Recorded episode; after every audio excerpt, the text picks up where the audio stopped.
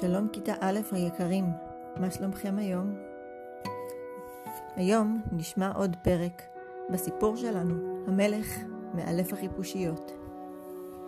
בפעם הקודמת שמעתם כיצד אורפאו החזיר את הטבעת עם אבן האודם לנסיכה רוזל, ואיך המלך, למרות שהוא הבטיח למי שיחזיר את הטבעת, להינשא לנסיכה רוזל, המלך גירש את אורפאו כי הוא היה מלוכלך ועיקר פשוט, ולא היה מוכן שיתחתן איתה.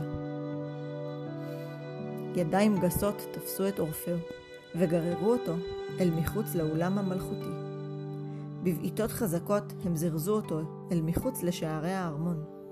הוא הלך בדרכים אחוריות אל שערי העיר, וישב לחשוב במחסה של הקיר התומך בחומת העיר.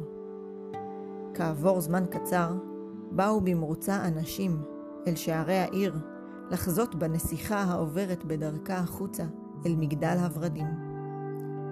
אמא, מהו מגדל הורדים? שמע אורפאו קול צרכני של ילד השואל. זהו המקום שבו המלך כולא אנשים עד אשר יעשו מה שהוא מצווה עליהם לעשות, ענתה האם. אני הייתי בורח אילו היה כולא אותי שם, אמר הילד. עד היום איש לא הצליח לצאת ממגדל הורדים, השיבה לו אמו. המגדל נמצא בקצה של צוק, ושלוש חומות גבוהות מקיפות אותו מכל עבריו. הסתכל, הסתכל, הנה היא באה. קולות של חמלה ואהבה עלו מתוך ההמון, כאשר עבר הפריון של הנסיכה דרך הקהל. נישא על ידי שומרים משני צדדיו. אבל אמא, יש שתי נסיכות בתוכו, אמר הילד. ולשתיהן שיער זהב.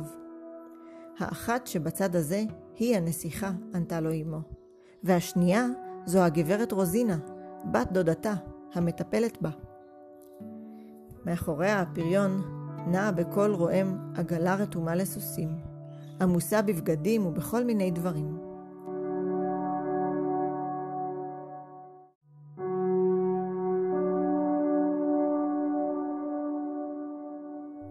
אחרונים צעדו שניים מסבלי הארמון, כשהם מחזיקים ביניהם בידיעותיו המעוגלות של סל נצרים גדול. למה נועד הסל הזה, אמא? שאל הילד שוב. עבור הורדים, השיבה לו אמו. מסביב למגדל הורדים פורחים ורדים אדומים במשך כל השנה. כאשר הנסיכה תמלא את הסל הזה בורדים ותשלח אותו למלך, זה יהיה לו סימן שהיא נכנעה, ואז הוא ישחרר אותה. הלוואי שהסל הזה יהיה שלי, הוא יכול היה להיות נפלא להתחבא בתוכו, אמר הילד. אורפאו כמעט קפץ בשמחה ממחבואו מאחורי קיר החומה. דברי הילד הראו לו בדיוק כיצד להציל את הנסיכה. כאשר המוני המוני אנשים התפזרו לבתיהם, קם אורפאו והלך בעקבות גלגלי העגלה, אל מחוץ לעיר, דרך היער, אל ראש הצוק. הוא ראה את המגדל ואת גן הורדים ואת שלוש החומות הגבוהות הסוגרות עליהם.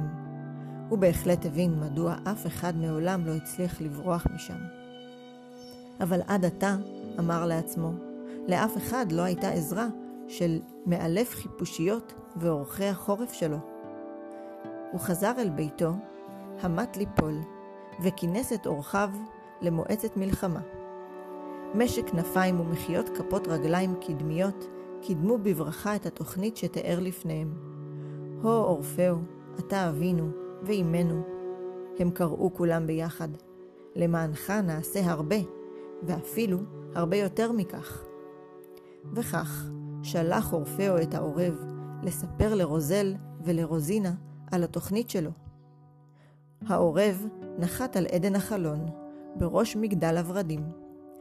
דחף את ראשו השובב בחלון הפתוח וקרקר.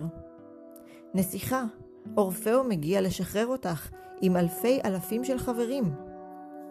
רוזל ורוזינה מיהרו אל החלון, פניהן אורו בתקווה, כשהנידו ראשיהן בשערות הזהב שלהן, בזמן שהקשיבו לכל פרטי התוכנית שפרס לפניהן העורב.